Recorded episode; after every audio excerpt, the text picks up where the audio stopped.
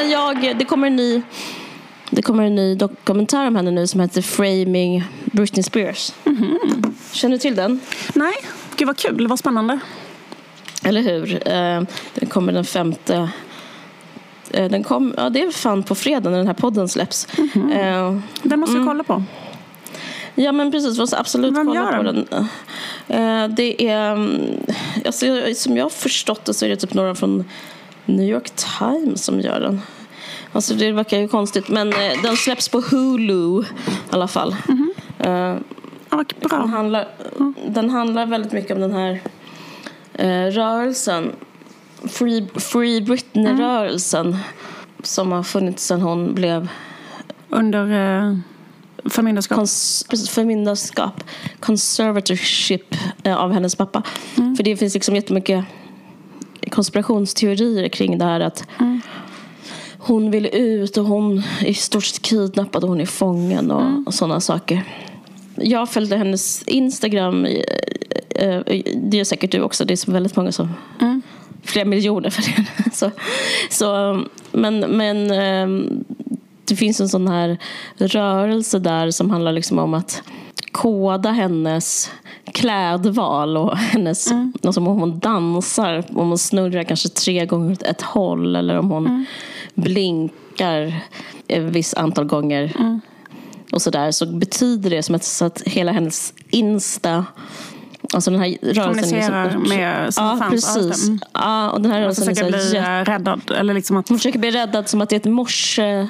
ja, precis. För Som de morsekod att hon håller på med. eh, Till exempel, alltså, alltså, hon blev ju satt under, hon har, eller ska jag säga det till lyssnarna, att hon blev satt under ett förmyndarskap av sin pappa. Och jag tror att det var påföljande. 13 år sedan. Exakt, kanske det här när hon fick det här eh, kända utbrottet där hon typ attackerade en paparazzi-fotograf med en, ett paraply och hon rakade huvudet. Och, Det var faktiskt, alltså förlåt för en pluggis, men jag bara lyssnade på en dokumentär om just eh, den här grejen. Det var, året, det var 2007, sen 2008 så hände det att hon um, blev av med vårdnaden.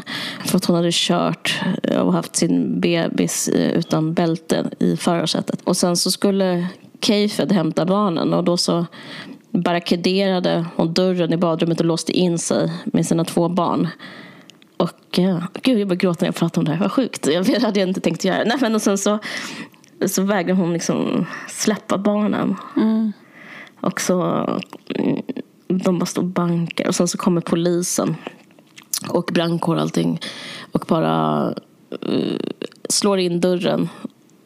Typ bänder upp hennes fingrar från barnet, barnen och sen så tar de barnen och sen så eh, sätter de henne i en tvångströj på en bår där de spänner fast henne, bältar henne. Så åker hon in mot sin vilja. Och efter det så blir hon, eh, så tar Jamie Lynn, hennes farsa, så ansöker de om att han ska bli förmyndare och sen så går det igenom. just det, och då får inte hon så här, sköta sin egen ekonomi. Det är också så, hon får inte gifta sig, hon får inte skaffa fler barn. Det är massa sådana Hon blir basically ett barn igen. Eller om han, om han tycker det. Alltså han, alltså det är så jävla sjukt. För att då kan han då säga så här. Att, eh, alltså han bestämmer med hennes health plan. Alltså vilka mediciner som hon ska ha. Vilken vård hon ska ha. Hur mycket hon måste så här, infinna sig i olika psykiatriska program och sånt där.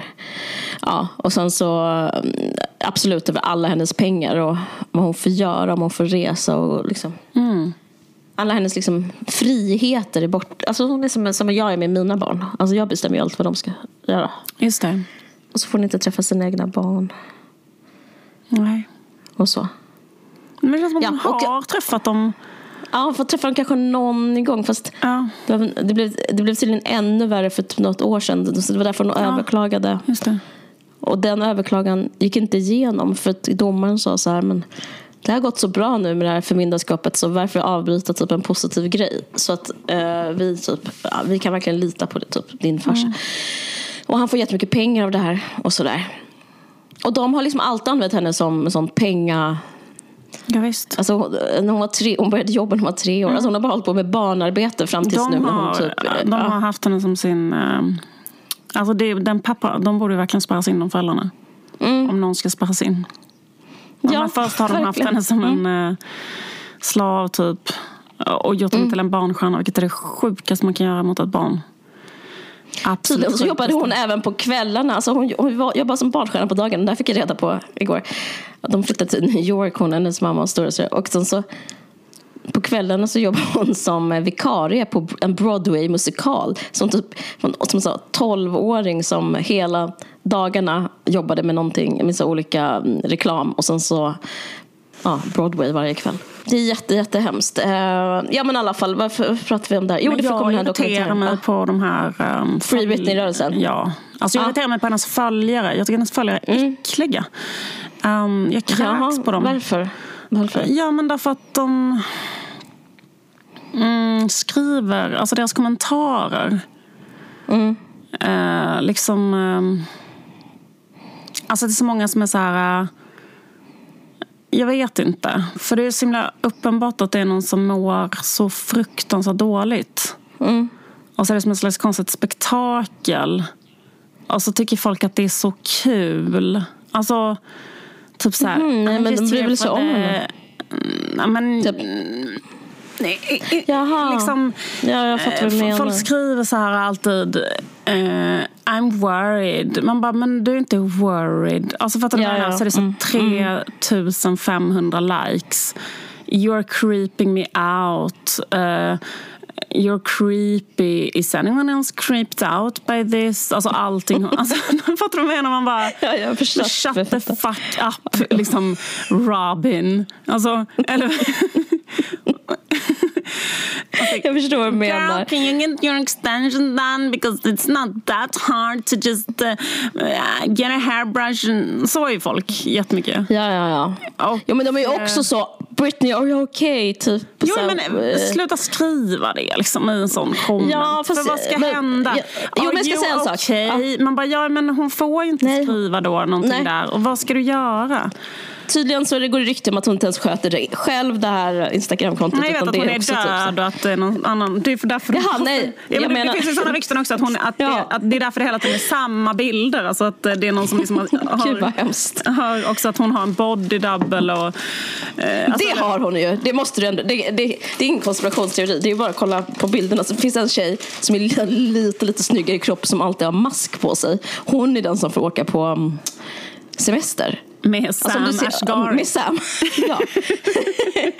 det, det, det är tyvärr ingen konspirationsteori. För att det är liksom, man ser typ en tjej som är lite längre, lite mer fit.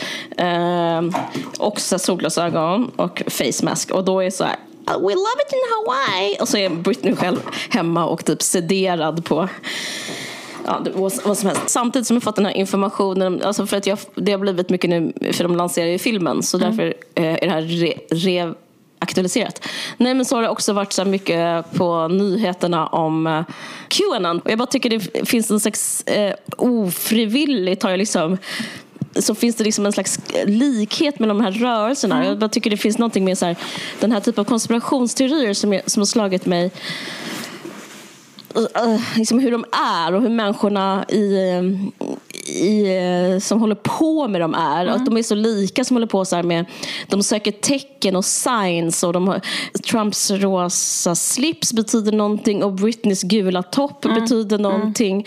Och nummer 17 betyder någonting och nummer 8 betyder någonting.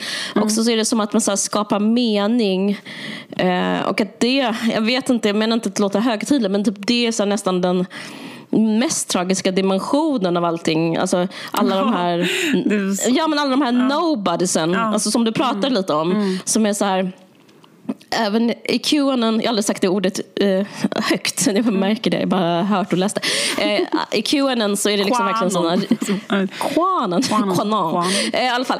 Eh, så är det så här, ver- verkligen riktiga, alltså det är ju så miljoner, men, men det är också i Britney, Free Britney-rörelsen är också miljoner. Och då liksom, det enda man kan känna då är så här, ja, miljoner människor eh, har det typ inte så eh, bra. Eller så här, Nej, men förstår du vad jag menar? Det är verkligen så här, samhällets liksom, eh, förlorare som hoppas på att... Ja, alltså, bara- jag nej, känner jag igen inte- mig nej, lite. vad? Det är inte en samhällsförlorare, det är bara så Nej, det är inte mänskligheten nu för tiden. Alltså, det är typ så här, Ja, ja, precis, det är precis. vi Det- nu du för har rätt. tiden. Liksom, Ja. Det är liksom, Ja. eller så här, så det är så här, Ja. mm, man famlar verkligen efter mening. Och, Det är det jag menar. Det är där vi Eh, har det. liksom, Ja. ja. precis. Och det är så, man tycker så synd om oss eh, alla just nu. det är så jävla... Men jag tycker det är signifikant att Ja, man är så det är här, det. ge mig något att tro Ja, på. Ge verkligen. mig Ja. anything. Eh, Om det är så är en pedofil som äter barn så bara, eller om det är att Britney egentligen menar något annat. Låt Mm. mig tro att det här, typ, is this it? Det är så man känner jättemycket. Is, this Mm. can't be it. This can't be life. Att Britney är inmurad av sin egen far. Hon är liksom, hon var så här, Ja. Världens största eh, kvinnliga popstjärna eh, i, i ett decennium. Alltså, hon var bäst, alltså, punkt slut. Och hon var rikast. Men nu tog någon hennes pengar. Alltså, that can't be life. Och kanske då liksom att leva i ett USA där folk så här ryker av du vet, så här, oxycotin, eh, så här, fentanyldöd hit och massarbetslöshet dit. Hela, hela den skiten som bara är USA. Då är det så här, det måste finnas någonting mer. Eh, Alltså det, det är liksom en slags temperatur skulle jag säga egentligen på världen. Att det finns en stor plats för konspirationsteorier.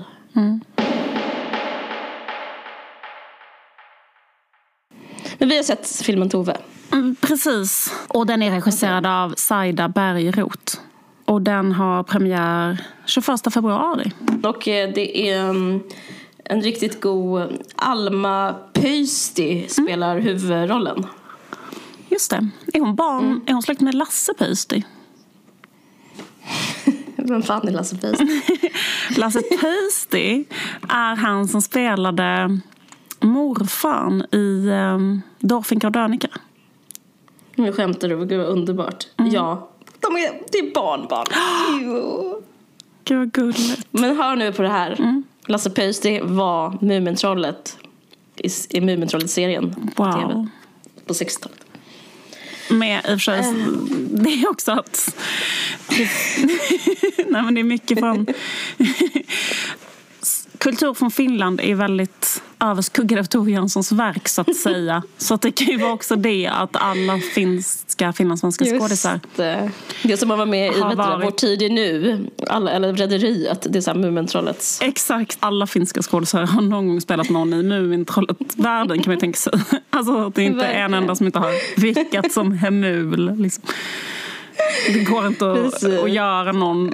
Man kan inte vara kulturarbetare i Finland utan att liksom ha... Nej.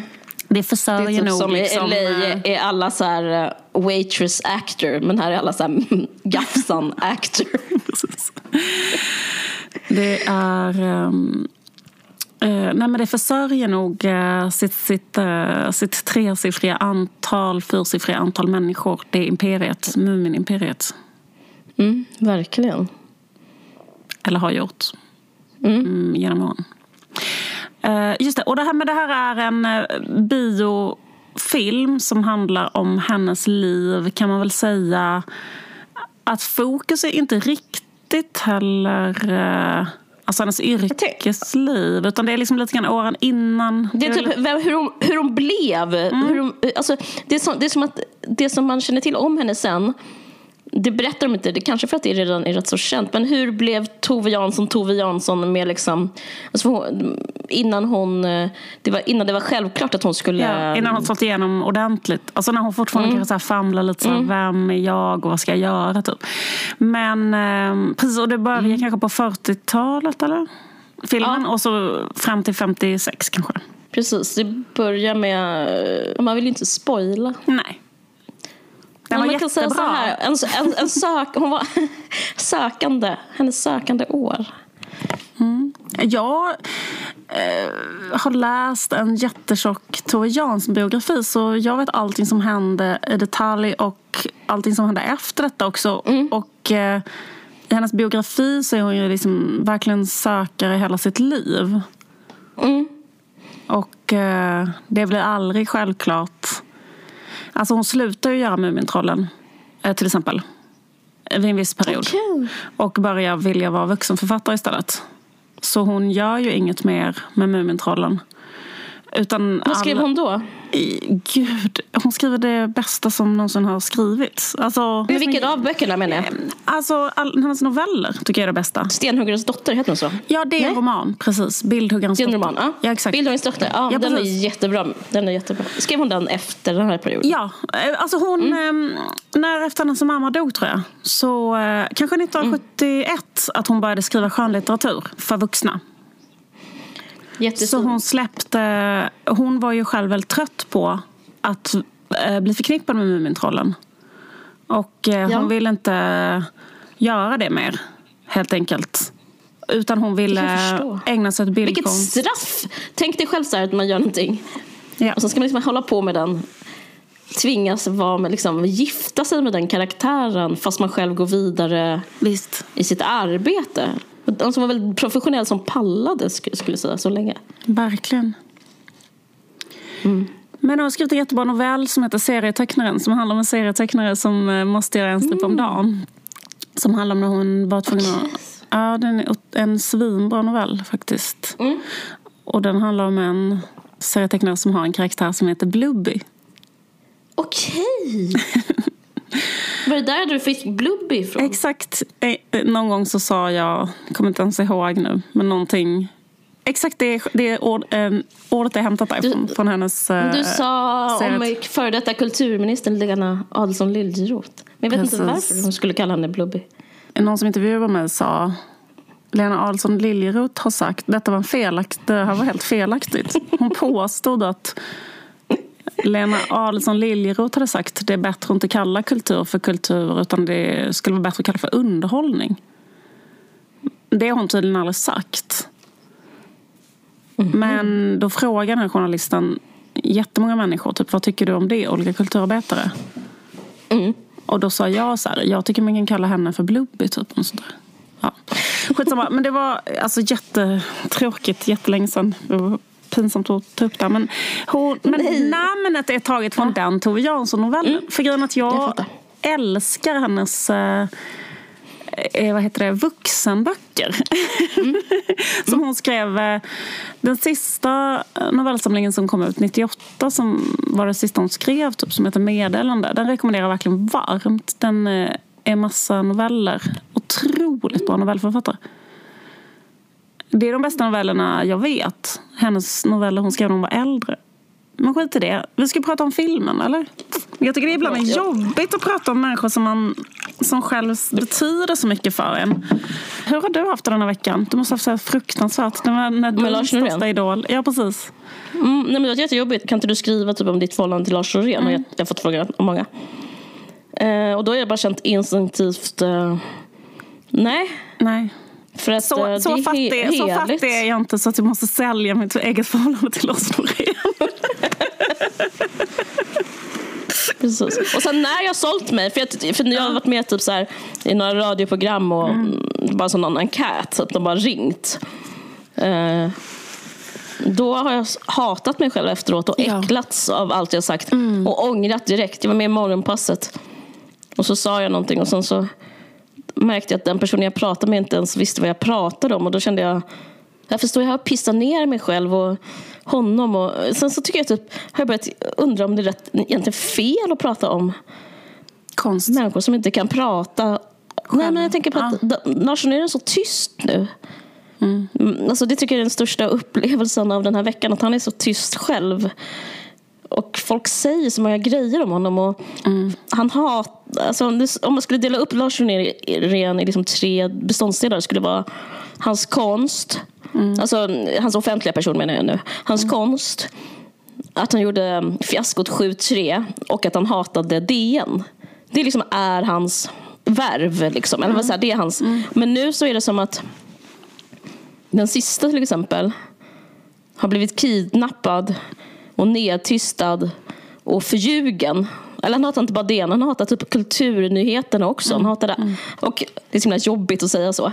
Men han så orkade säga det. Men Mm. nu så är det som ett annat ljud i skällan. Och jag känner typ om jag ska vara med och skriva i en tidning i kulturmedia. Det är liksom som att dansa på hans grav. Mm. Men du hör, jag blir agiterad. Men han har betytt väldigt mycket för mig. Så mycket så att jag inte ens vill säga det. Nej, men det tror jag att alla vet. Jag tänker att du har pratat om honom jättemycket i podden. Och eh, Mm.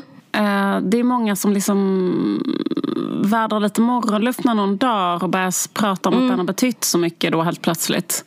Men Mm. eh, så har inte du varit. Du har ju gillat honom hela tiden. Jag gillar jag, levde.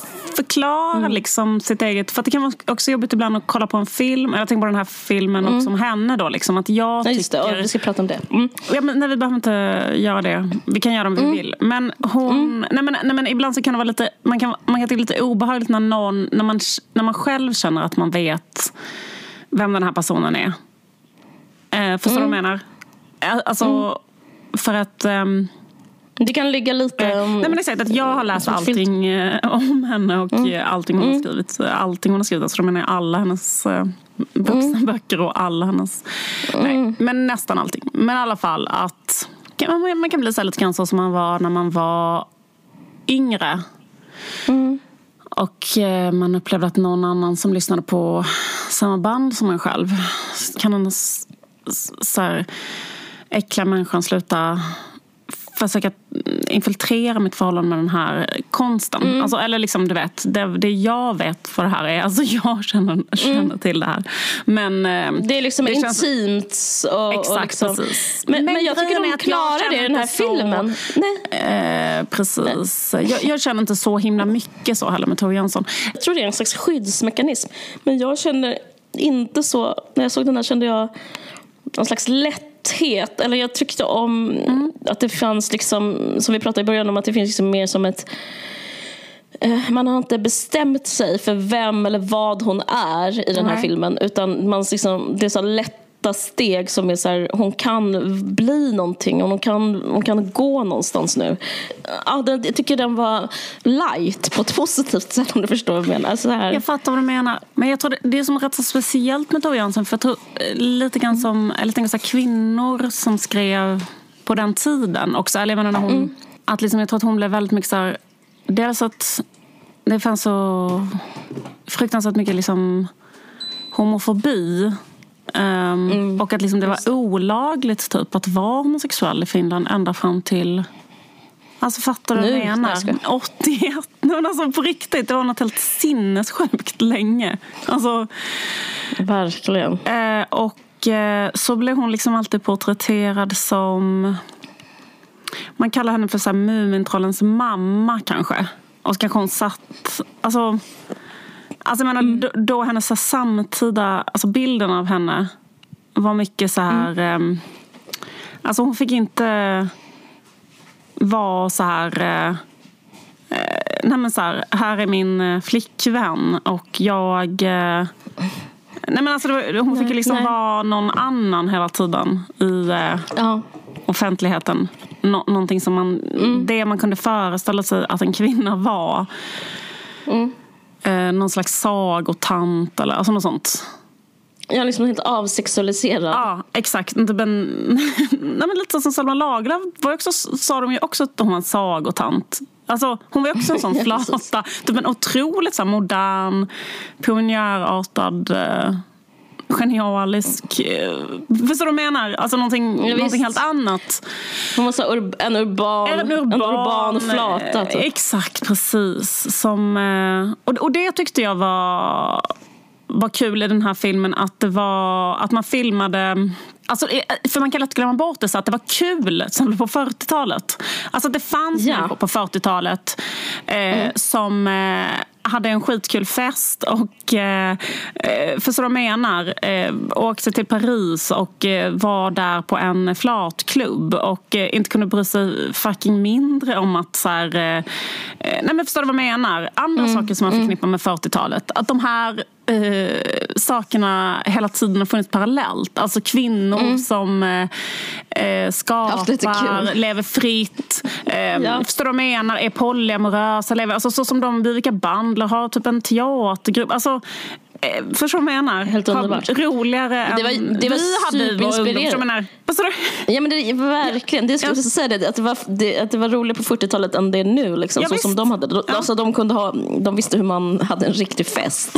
De hade en olaglig Och- fest och typ gjorde en egen En olaglig fest. Och, jag tycker alla de scenerna är väldigt... Helt fantastiskt. Och där, precis. Eller liksom att det existerar, allt existerat. Um, Jag vet, man fick en väldigt stark fria känsla kvinnor, för liksom, eller vad man ska Ja. kalla det.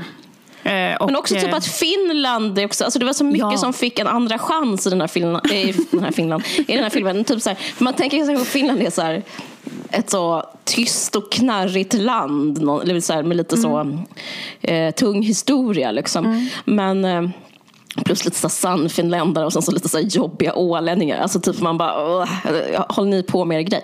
Men så, vad är det, så typ, jaha men Finland är också så här såklart. Och så får man liksom upp den, den stängda dörren till typ eh, flipping Finland. Alltså, men det är väldigt, väldigt underbart. Eh, Men jag läste om Tove Jansson att hon, eh, att även hennes pappa brukar ha så här hippor och att liksom, alltså, alltså jag tror det är verklighetstroget, att det så var en stor del av Ja. hennes liv. Och att de visar de här roliga eh, arkivbilderna på henne när hon dansar. Typ att hon är så här... Mm. Ja, man blir väldigt inspirerad. Alltså det är otroligt så här... Eh, leva sitt liv eh, verkligen i liksom, konstens tecken. Alltså att hon sätter det före allting annat. Och... Mm. ehm, Men det var ju också real, alltså, kom, det, när Woody Allen inte var personen non grata så brukar man skriva om hans filmer typ i um, amerikansk media också. Och då brukar man sk- eh, liksom, skriva om genren real estate porn. Det var ju det också, alltså um, mäklarporr, eller liksom husporr. Ja. Alltså typ, Hennes ateljé. Alla, Mm. Alltså hennes ateljé, man bara, wow, alltså det är så högt i tak. Det är så, oh my god, vad är den där för äkta sån um, ung spis, gjutjärnsspis, var har du fått tag i den? Liksom, Eh, liksom, vad är det här för fönster? Eh, bl- Handblåsta fönster i en ateljé. Och, nej, Ja. du köper ett hus i en dal. Och, alltså, allt bara är så...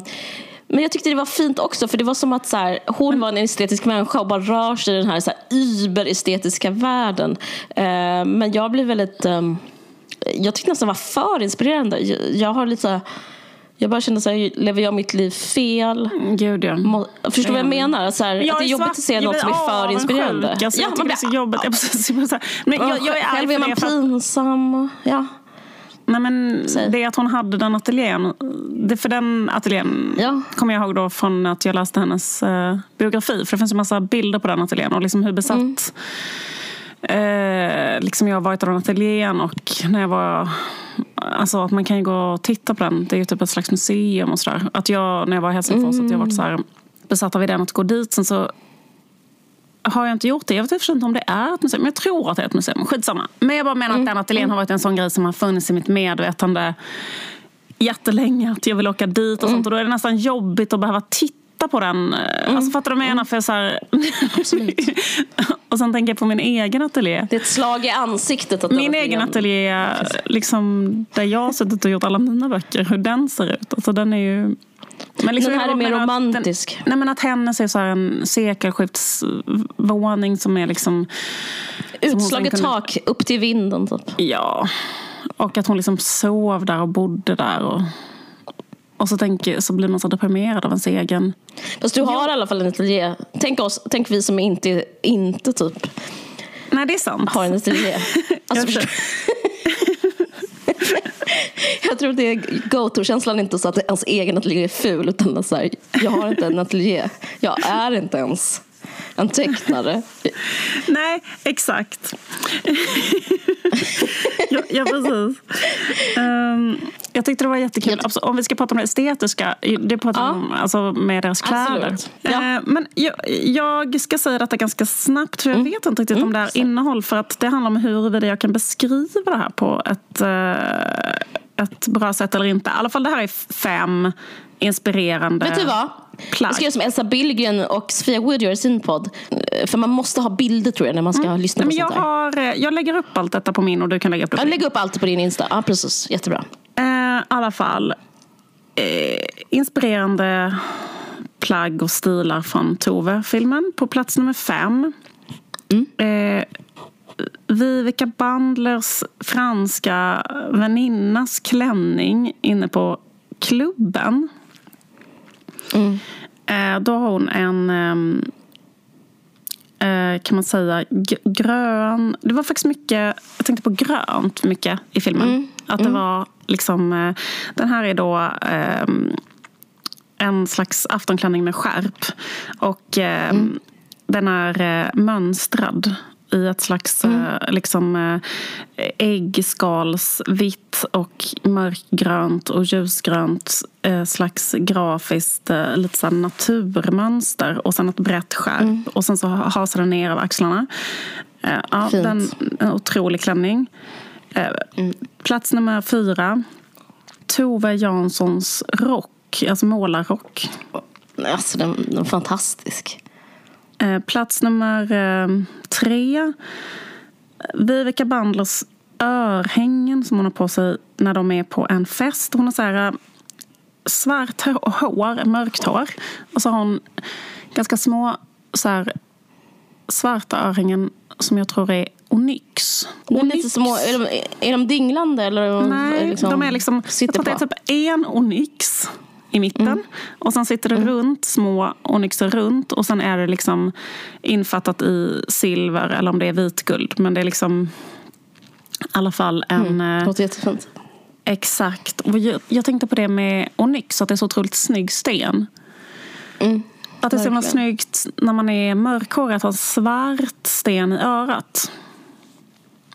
Det, här, ja, det, det, är, det är sant, du har helt rätt. Jag har inte tänkt på det. Och det är skitsnyggt om man är blond, eller hur? Typ, tänk dig att vara blond och ha en onyx. En liten onyx. Mm. Men skitsnyggt om man är mörkhårig. Mm. Då kanske det ser mer klassiskt ut som det är på henne. Hon ser så himla dyr och rik ut på något. Mm, verkligen. Och liksom som att hennes hår är gjort av sammet. Hon, är, hon har så här mörkt hår. Det är jättefint. Plats nummer två är då en, en, det är en färg som hon har på sig ganska mycket. Den färgen förknippar jag också ganska mycket med 40-talet. Är det typ jadegrön? Kan man säga det? Mm. Mm. Mm, just det, exakt. Och ehm, hon har liksom en dräkt med en dräktjacka med svarta och vita prickar på. Och en klänning som är jadegrön. Jättesnyggt. Jätte, jättesnyggt. Plats nummer ett. Atos Virtanens pyjamas. Mm. Som spelas av, det är, vad heter han nu? Chantironi. Han har en så jävla fin pyjamas på sig en scen. Jag skickar här till dig. Kan Ja, precis, Chantironi, Chantironi. Ja, den är jättefin. Sk- ser du min närbild som jag har skickat nu? Ja, den är jätte, Alltså att den är vävd. Den ser ut som så, den är Ja. så folklore. Titta, titta på den, eh, titta på de Den är, ränderna. jag ser, de är fantastiska. Alltså det ser ut som en... ehm, alltså det är något som Karin Larsson har vävt och hängt upp en bona på väggen. Alltså kan du tänka dig en sån slags Mm. vävd, vävd tyg som är lite folkloristiskt. Men sen tänkte jag att du syr en Mm. pyjamas av det. Så jävla snygg pyjamas. Verkligen, den var jättevacker. Ja, men, ehm, ja, men, men jag tycker också när hon har premiär för Mumintrollet, när hon har eh, den här vita blusen och en Otroligt. svart kjol och den här en så här rosett bunden. Mm. Du skulle kunna ha det där 100%. Vi får se. Du skulle ju verkligen kunna ha. En sak som du kan ha det är ju Men jag tycker det är svårt att, att Rosetter, ja rosetter kan jag ha men jag, kan, jag tycker det är svårt med liksom saker som eh, borderliner tant. För då så är det som att man eh, jag kan, jag kan känna mig så lite skyddslös om inte jag liksom opererar någonting på att vara så här horig om du förstår vad jag menar. Alltså om, om, om jag har för lång kjol, för mycket blus, för lite klackar då kan jag känna mig eh, liksom, ja, men som en avsexualiserad eh, gammal eh, så här, mormor eller farmor. Alltså att hon har den eh, liksom, alltså att hon har den stilen kombinerat med väldigt så här maskulin, så här bakåtslickad frisyr. Ja, Gör att och hon, hon är inte ser typ också så att, att, man, att hon viftar mycket med armarna och hoppar upp och ner Ja, och är så här, väldigt ja. så här leksinnig och, och dansar gänga. Så tror jag man måste se ut om man har så riktig tandstil. Mitt väsen är väldigt stillasittande. Jag skulle bara bli som en sån... Alltså jag, måste, jag tror jag måste vara Man mer skulle vilja gå rörlig. fram till dig och lägga en pläd över benen på dig om du göra så. precis. Och då kan jag inte ha den stilen. Alltså jag kan inte ha plädstilen från början. Då måste jag ha typ, jag vet inte, någonting, ett modernt örhänge. Och, Jo, men grejen är att du skulle kunna ha en sån krage, alltså det som hon har på sig, Ja. lite, en grå ljusgrå sidenblus, en svart rosett knuten kring halsen och en vit krage under. Det skulle du ju kunna ha. 100 Det och- Ja, det och en pläd. Vad sa du? Ja. Nej, nej, nej. nej. Nej, jag- Det nej, jag vet, jag vet, jag vet. Och, eh, en svart kjol. Alltså, Ja, kanske. Nej, men jag skulle inte ha det. Men jag fattar vad du menar. Eh, Jag tycker vår kompis Ingrid, det här är vårt bästa innehåll hittills. Vår kompis Ingrid kan ha det. För jag tycker man ska vara blond också när man har det. För då ser man inte heller så nedtryckt i skorna ut som mör- vi mörkhåriga korta tanter kan göra. Förstår du min... Alltså det här är min värsta självbild. Att jag som en som kort gumma. Alltså typ en sån grekisk gumma. Då kan man inte ha den stilen. Och som vaggar omkring. En änka. Ja. Eh, Man måste ha liksom, känna festen i sig. Man måste utstråla fest. Man kan, ja. mm, nej, Inte- precis. Men jag måste säga att jag omvärderar att ha gumma en som kjol som går till sörjer Lars. Norén. Alltså hon har mycket den vad... ehm, Längden på Det är kjol. Men kommer du ihåg, kommer du, förlåt, men kommer du ihåg eh, trendspaning för 2021? Ja. Då sa jag långa kjolar. Ja, precis, Och nu men- känner du det va? Absolut, men du sa väl fotsid va? För det är ju Ja, också inne. Men vaden eh, tycker jag att... ehm, jag har faktiskt exakt en sån kjol som hon har på sig där. En sån svart vid kjol som går till vaden. Som jag liksom innan haft upplagd på hälften. Så att det är som en puffig kort kjol istället som går till ovanför knät. Och nu har jag tagit ner den för att den ska vara bara en lång svart kjol till vaden. Alltså, för det är så jävla snyggt att ha en sån kjol tycker jag. Det är så snyggt. Typ en ylletröja till det. Fint. Och typ ta droger. Alltså man måste ha någonting som, som, eh, som väger upp. Men ja, jag, jag tycker... Ops, jag hade gjort det. Det här är bara liksom en uh, moodboard, inte Ja. en uppmaning.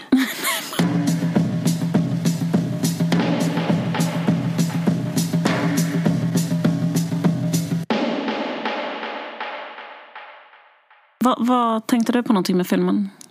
Nej men jag tänkte jättemycket, vi har ju en chattgrupp, jag vill bara att eh, vår kompis ska klä sig som Tove. Nej men jag blev jätteinspirerad eh, inredningsmässigt också. Och det tycker jag var så underbart att ha en sån, se en film som inte tog något från en. Förstår du vad jag menar? Eh, jag har inte mått så bra på sista tiden och därför tycker jag det är så väldigt svårt att välja tv-program och filmer när jag ska kolla. Så jag kan inte se Eh, det finns någon ny film som heter typ Porträtt av en kvinna eller typ Porträtt av en halv av en slagen kvinna. Något sånt där. Som ska vara jättebra.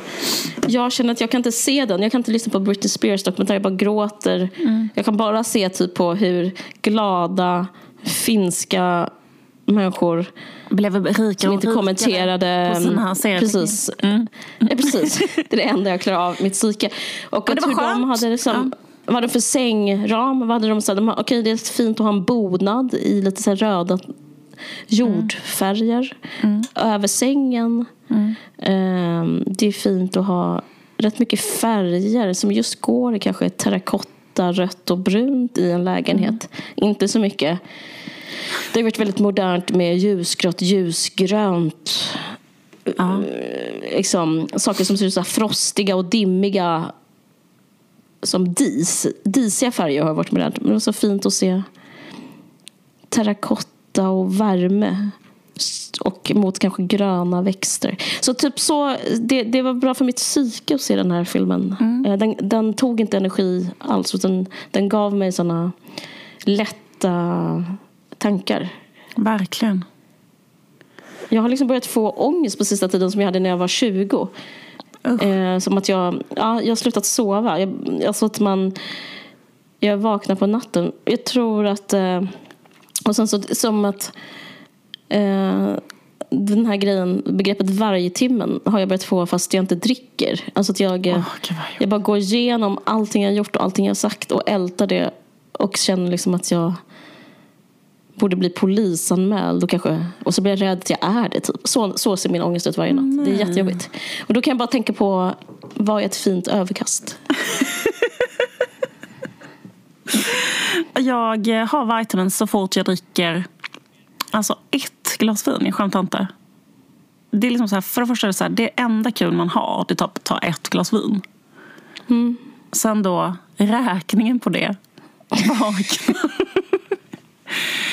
liksom ligga vaken i två timmar och bara ha såna sjuka... Men jag var så kaxig för jag har inte liksom haft vargtimmen så mycket. Och jag bara sa, nej men jag klarar mig från det. Men um, jag tror det är någonting med pandemin. För man träffar också folk så extremt sällan. Uh, jag var och drack vin med några vänner. Uh, vänner till podden. Nej men Linnea Wikblad och Kristoffer Garplind och Wendela heter de. De jobbar på P3 så folk kanske vet vilka det är. Men då, jag känner inte alla, jag känner Kristoffer bra men de andra inte så bra. Men då satt jag och tvingade dem säga komplimanger till mig. För sen jag blev 40 har jag upplevt att jag slutat få komplimanger. Och det är också någonting som inte är friskt.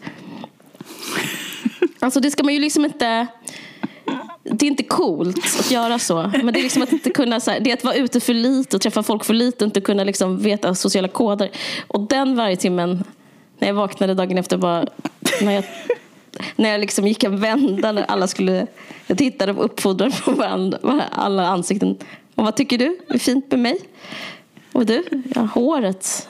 Ja, och så blev jag glad också. Alltså det vet inte vad som var värst. Att jag, att jag liksom bara blev nöjd. Alltså det blev så, det var verkligen, um, det var inte vackert. Det var inte jag tycker det låter kul. Jag skulle inte alls ta illa upp om någon skulle ha en sån runda med mig. Jag skulle tycka det var jättekul. Alltså du ska mm. inte heller ta illa upp om du ska träffa någon som uh, vill att vi, de, man ska ta en runda och säga vad som var fint med dem. Det skulle du tycka var jättekul. Men, Jättekul, jag vet. Men, jag, eh, men det är kombination med, det så, fallet blir hårt när jag har liksom stått och vinkat från mina höga hästar så länge. Det är liksom det, är det men jag också. vet, det är jättejobbigt. Men det är också så jobbigt att ha en podd för att liksom... Um, det är fruktansvärt. Det är så också så här, för då kan man också... Alltså jag tycker också så här, det är så jobbigt att vara kritisk också i sin podd. För till exempel kritiserade jag smycken häromdagen. Ja. Nej, nej, häromgången. Två gånger sedan. Ja. Åh, vilka fula smycken. Och Sen är frågan så här, hur fina smycken har jag på mig? Alltså fattar du vad jag menar? Alltså, ja, ja. alltså du vet att det blir så här, du, var ju, du, du kunde ju verkligen du var ju verkligen bra på att säga att andra hade gjort fula saker. Ja men hur fina saker gör du och har på dig själv egentligen? Blir följdfrågan. Och sen har man poddar hela tiden när man berättar hur dåligt vad fel andra gör. Och sen är frågan, men du, det, det undrar jag, har, det, har det blivit en större som... grej? Att folk har börjat säga att andra är fula och dåliga och säger fel. Och jag har märkt som en sån... Eller så är det något med pandemin. Att eh, man orkar liksom inte höra något som är negativt känner jag. Alltså, jag. Jag vill inte lyssna på en enda podd som säger någonting taskigt om någon. Nej men man känner att man spyr på sig själv. Alltså... ja verkligen. Det kan också handla om PMS. Jag vet inte, för att jag får sådana känslor Mm, eh, alltså jag har såna drömmar när jag har PMS. Alltså, nu blir det här lite grann eh, Fredagspodden. Men, ehm, fast sämre. Att, fast sämre. Fattigmans Fredagspodden. Nej exakt, det är hur de pratar om det är jättebra. Men nu mm. pratar jag om det. Nej men förstår du menar typ.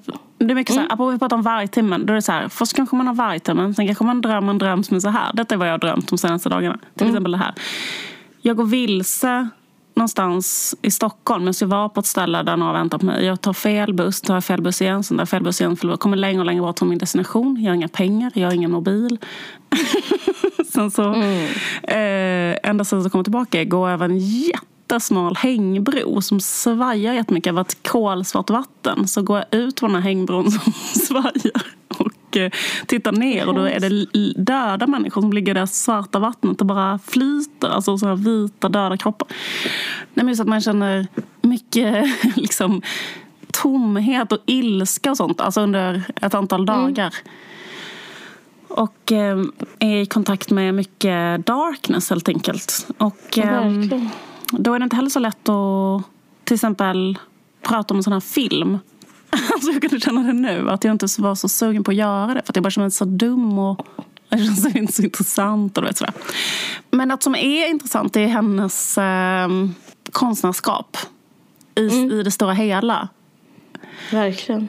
Jag tänkte på en sak som Ivar Arpi skrev um, mm. i um, den här boken Genusdoktrinen som jag läste och pratade om i podden mm. för ett tag sedan. Just det, just det. Och då, då, listade han liksom onödiga, typ, saker som han tyckte var onödig forskning. Typ, eller eh, genusforskning mm. han tyckte var onödig. Eller ska säga. Mm. och då var en sak som han tyckte var onödig var att någon hade, litteraturvetare hade gjort liksom en genusstudie av genusrelationerna i Mumindalen. Jag tycker det var ett så konstigt exempel på någonting. För de, de böckerna är ju översatta till 45 språk och det är en av de största alltså i modern tid, kanske det största så här, barnlitterära bygget överhuvudtaget. Eller hur? Mm. Mumindalen, alla de eh, karaktärerna. Och Verkligen. eh, hela den, eh, det är ju som Sagan om ringen typ, fast för yngre barn. Alltså, jag menar att man bygger upp en hel, eh, ett helt eget universum. persongalleri. En, ett, en, Egna arter. Men sen att det är också en så här otrolig så här, psykologisk liksom, visdom. Och eh, väldigt intressant. Och då tänker jag så här, vad är, vad, är det så fel i att eh, i land att någon ehm, forskar lite om eh, genus, eller gen, genus porträtteras till exempel i Mumindal. Är det, är det verkligen så fel? Är det det, Mm, är det, det värsta brottet vår civilisation begår just nu? att någon typ gör en litteraturvetare gör en studie av en sån sak. Men det är precis. Nej, jag håller verkligen med. Men Det är trevligt. Mm, Ja men exakt, det var väl trevligt? Eller vad är... Fan, vad, är, är, är, det, vad, är det det vi ska klaga på verkligen? Jag tycker det är intressant. Jag läser väldigt mycket Muminböcker Mum, mm, ja, Muminböcker för mina barn. Mm. Jag tycker man får en tro på idén om skapande. För att hon hade ju inga barn själv, Tove Jansson. Eh, men har så super eh, gehör för den. Alltså hon kan skapa en uppfattning om vad ett barn är. Eller gå till sig själv eller hur hon nu har fixat det här. Eller liksom har eh, hög empati. För de böckerna liksom talar extremt mycket till eh, så barnets psyke. Jag tror liksom en del av Mumintrollets eh, liksom, vad heter det, succé handlar om att de är lite som Teletubbies succé. Jag tror, Teletubbies har ju snott mycket från Mumintrollet. Men liksom att de att de, eh, det är inte så om ett barn utan det är, så här, är ett barn hela tiden.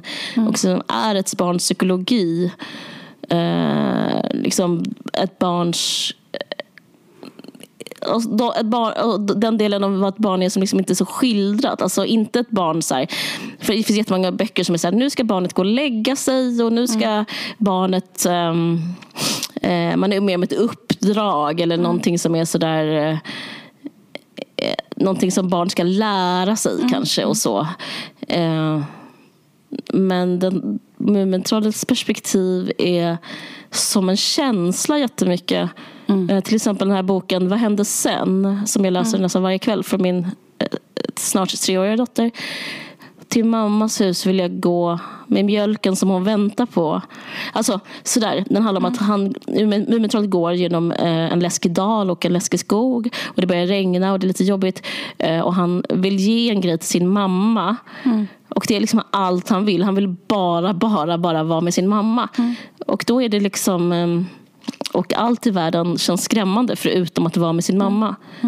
Och så är det det boken handlar om. Och det kanske låter jätteenkelt men ingen kan skri- har skrivit det. Nej.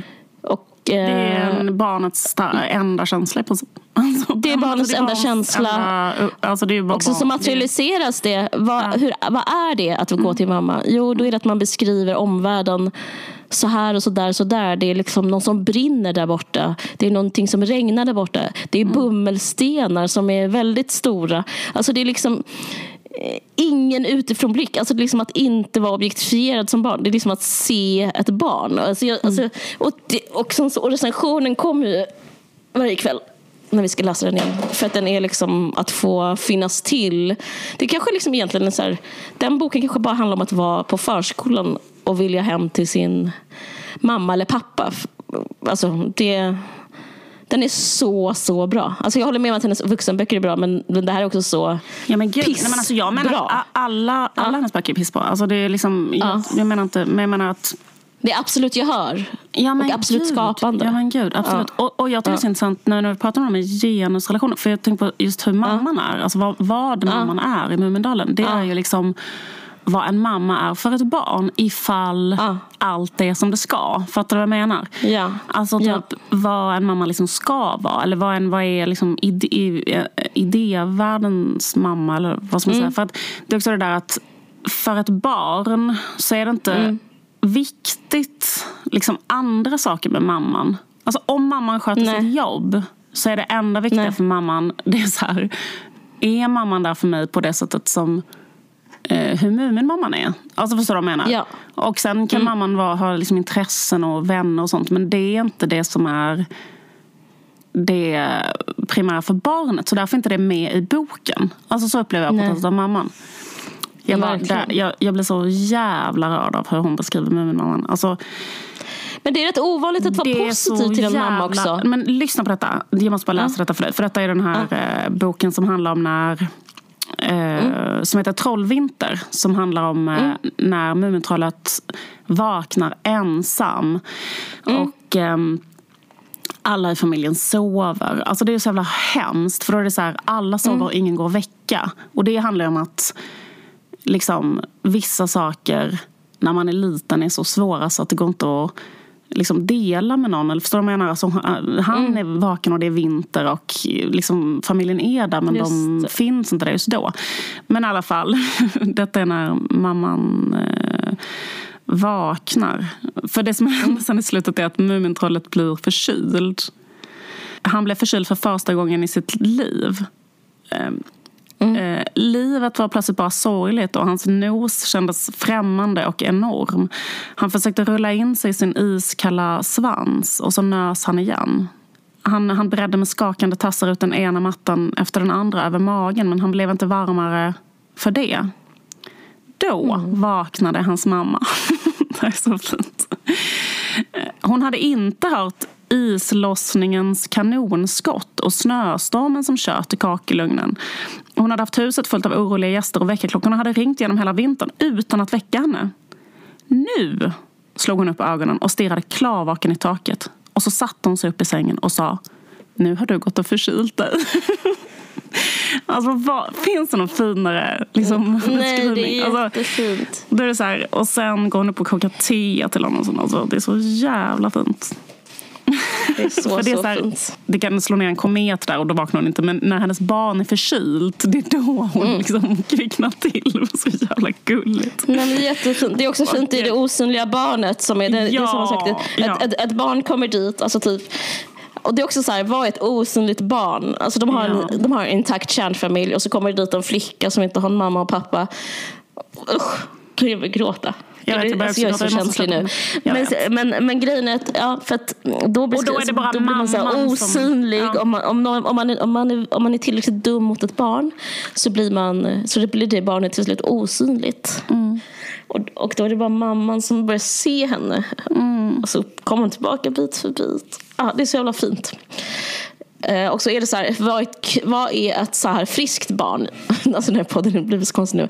Men då ett friskt barn, då är det liksom så här, det slutar med att hon biter med min pappan i svansen. Pappan skämtar med mamman på något sätt. Pappan, precis. pappan typ skrämmer Ja. mamman på något skämtsamt sätt. Att man, han ska då- putta i henne i vattnet. Ja. Precis, och då biter den osynliga flickan pappan i svansen. För hon blir så himla Ja, ja, arg ja, att pappan ska göra något dumt mot mamman. förlåt. Hon blir så arg på pappan. Eh, och Ja. då blir hon synlig, när hon blir arg. Ja. Precis, och då börjar hon Ja. synas helt. För då är hon så här, hon är ett barn som biter, som bits. Eh, hon är ett, hel, ett helt barn igen. Oh, gud, jag börjar gråta. Det är så jävla bra. Jag vet, det är helt sinnessjukt. Men grejen är att... Men, det, men därför det är så bra att läsa det om man har varit så lite dålig mamma. Och sen så är det som att man kan ge det. Jag kan känna att jag kan kompensera så när jag läser. Eh, det är nästan som så här, barnet får lite så snabbterapi att ta, dra fram en sån bok. För de så här, ja men så här. Eh, det är din tur nu. Och liksom kan man läsa en sån bok om man kanske typ har jobbat mycket eller någonting. Precis. Men, jag, eh, jag tycker liksom ja. att jag, jag tycker så här, det som är så jävla bra i hennes böcker som, som Mm. jag tycker är så här, eh, det är typ att som också visar, vittnar om en sån djup psykologisk insikt. För det är det som är hela Mm. Motorn tycker jag i allting. Att hon har sån helt så bisarrt djup psykologisk insikt om människor liksom. Och då är det att att de här karaktärerna är väldigt eh, fasta. Och att liksom, mm. de har sina Eh, liksom, det är så här, eh, Sniff är till exempel väldigt um, girig och eh, mm. liksom, eh, vad ska man säga, hagalen och eh, liksom egoistisk. Alltså, de, det är liksom en väldigt, väldigt, väldigt tydlig karaktär. Och sen typ så här, Snorkfracken är så här fåfäng och ehm, eh, liksom, Mumintrollet är också så jävla intressant karaktär för Mumintrollet är så himla liksom, diffus på ett sätt. Men, det är så här, men samtidigt så här supertydlig. Alltså, och att det sker väldigt lite liksom, utveckling. Alltså det som du sa, att många liksom, så här, barnböcker handlar om så här, personlig utveckling och någon ska liksom, mm. lära sig någonting och bli någonting. Alltså, det, kan mm. finnas, det kan finnas någon pytteliten sån grej någon pytteliten mm. sån grej i böckerna. Men, typ inte, jag tycker det är väldigt så här känslobaserat. Ja, alltså. precis, men huvud, huvudgrejen ja. är typ att ingen ändrar sig. Mm. Alltså, det handlar väldigt mycket Nej. om att så här, folk är som de är. Och ingen, mm. ingen i princip ändrar sig någonsin. Alltså, typ så här, och det, det är också vittnar om så jävla mycket vetskap om hur människor är. Som är så här, mm. rätt, att, typ att, och det är lugnt. Alltså vad du menar? Mm. Typ så här, den är så. Det är så här, bisamråttan ligger och sover på sophögen. Typ, eller vad det nu är den bor. Mm. Alltså du vet, den är jättegrumpy och den bara, alltså du vet så här, det, så är den liksom. Och sen så är det så här, den mm. annan är på något annat. Alltså, alltså, eller typ så här, Muminpappan är rastlös och otillfredsställd. Men då är han liksom mm. det. Och mm. eh, han försöker så här, att de ska flytta i, i en bok är det att han vill att hela familjen ska flytta och sen ska de liksom bo på en ö. Och, så är det så här, och där blir det liksom inte bra heller. Och, alltså, han, han liksom bara, men, men det är inte så här... Eh, till exempel Mumintrollet är så typ olyckligt kär i Snusmumriken och liksom skulle vilja att Snusmumriken skulle... Liksom, men det slut, boken slutar inte med att Snusmumriken eh, flyttar in i Muminhuset och bor med dem hela tiden. Utan liksom Snusmumriken är så att han vill vara ute och vandra. Och mm. han kommer inte att bli en sån som vill bo i deras hus med dem. Alltså, mm. Han är liksom en annan så slags person. Och boken mm. skulle inte kunna sluta så här lyckligt inom citationstecken med att han flyttar in där. Utan snarare är liksom, eh, lärdomen är mer så här, nej han är sån och, det, och du är sån här. Liksom. Mm. Och det tycker jag är väldigt, är eh, väldigt eh, befriande. För att många andra barnböcker är så himla så här tillrättalagda. Ja, ehm, man att kan, måste de, sluta... De, andra barnböcker kan inte hålla tassarna i styr. Att de Nej. bara, jag måste ändå lära dig en läxa när jag ändå har dig på tråden. Så tycker 100 procent av alla barnböcker. Och, och, det tycker jag också med genusrelationerna då liksom. Att ja. man liksom avstår eh, vad ska man säga, lockelsen att göra något lite intressant där med Muminmamman och så. Utan nej, jag gör, Muminmamman är liksom eh, vad ska man säga, Jungs eh, stereotyp av eh, liksom en arketypiska moderskärleken som i princip är samma sak som Jungfru Maria typ i kristendomen. Alltså det är en, en totalt ja. nedärvd arketyp av liksom god moderlighet eller vad man ska säga. Och då är det inte mer med det.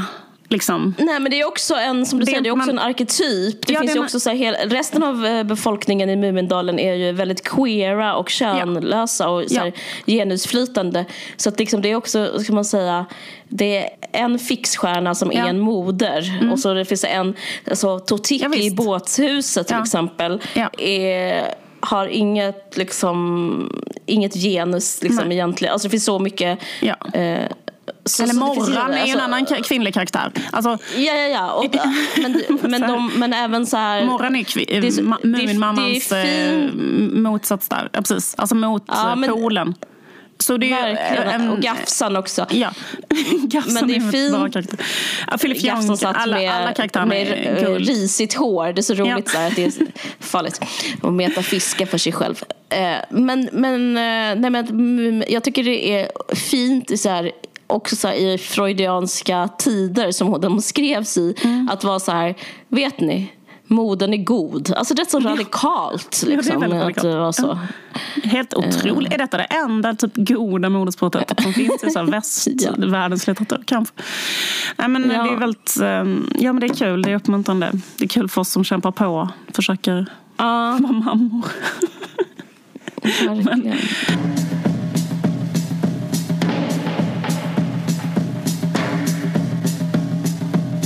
På Nextory som vi har ett samarbete med. Så mm. Eh, vet, vet vad som finns där? Alla hennes, eller jättemånga av hennes noveller. Alltså de här jag pratade om. Att när hon blev äldre så skrev hon en massa otroligt bra noveller. Eh, och de finns här. Du så- skämtar, de finns på Nej. Nextory. Det finns liksom, jag ser hur många som helst här. Och Men även då kan den, våra lyssnare bara rusa nu efter det här avsnittet och eh, liksom, om, om, om, om, om, man, ja, om man tecknar en, ett medlemskap så får man ju också gratis 45 dagar. Då hinner man läsa allt det här och sen fortsätta Exakt. kanske. Precis.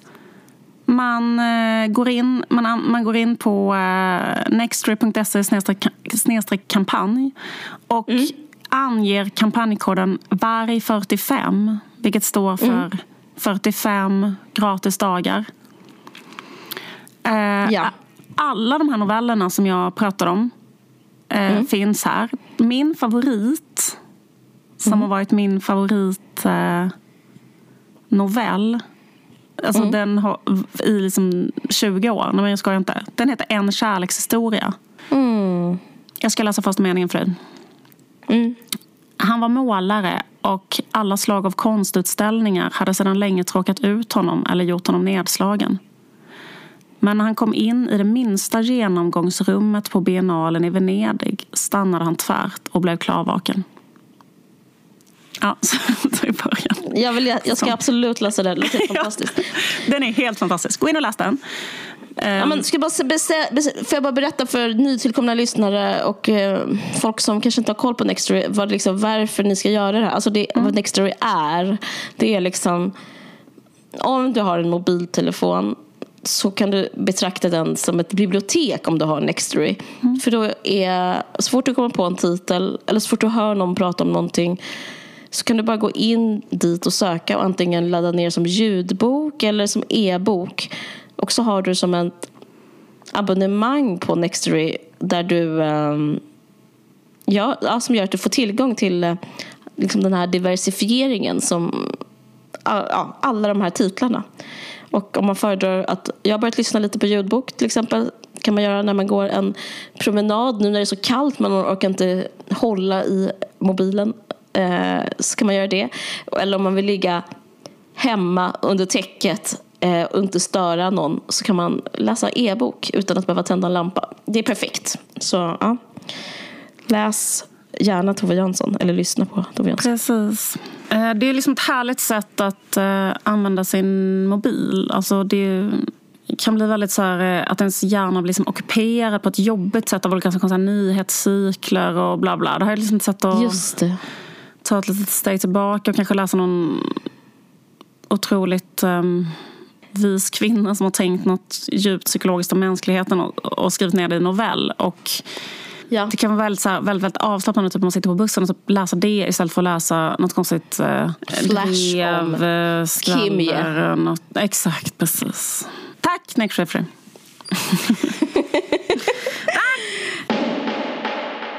Då var vi klara. Är det någonting du vill tillägga? Nej, tack för att ni lyssnade. Det var lite... Det var liksom... Det var lite hudlös podd. Alltså jag berättade Ja, för för dig innan Ja, vi... Innan på- vi eh, jag, jag drömde att jag, att jag eh, var en kropp utan väggar. Alltså jag var en kropp utan hud. Så att vi, Mm. vi vill kanske inte... Det, det kommer en vår, men den har inte kommit än. Nej, men säga. inte den. Nej, men det har du inte. Det, det, den, den väntar vi på.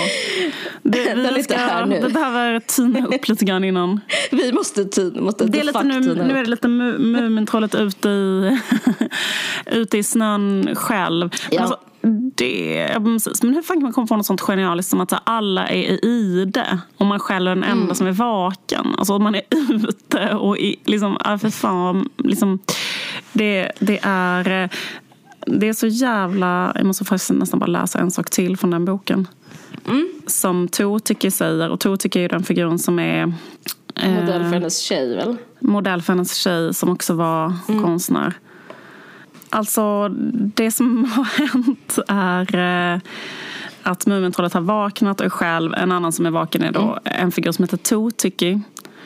Mm. Och, eh, men det finns andra lite konstiga djur. Mumintrollet är rädd för att... Eh, jag- är rädd för de andra, de jag inte vet någonting om. De som bor under diskbänken och i min garderob där borta. Eller morran som bara tittar på en och inte säger ett ord. Eh, Totike gnodde sig om nosen och funderade. Ser du, det är så mycket som inte får rum om sommaren och hösten och våren, sa hon. Allting som är lite skyggt och lite märkvärdigt. Somliga slags nattdjur och folk som aldrig passar in någonstans och som ingen tror på. Nu får jag också gråta. Vad sjukt.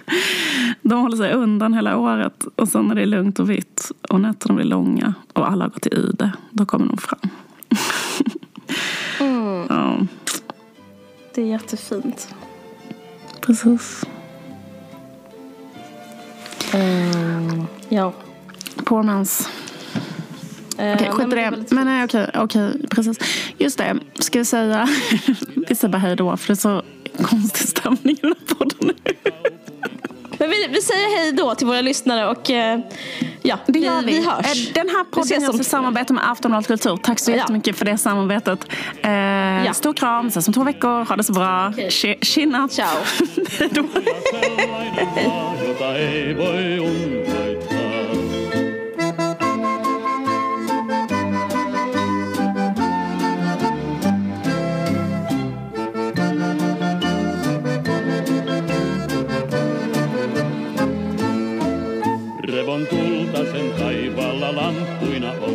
on, talvia, päivä on yötä. Kun on kaira taas jalkaisin kulkematon, kun on nietosta nietosten myötä. Riekon jalka kun jättävi merkin.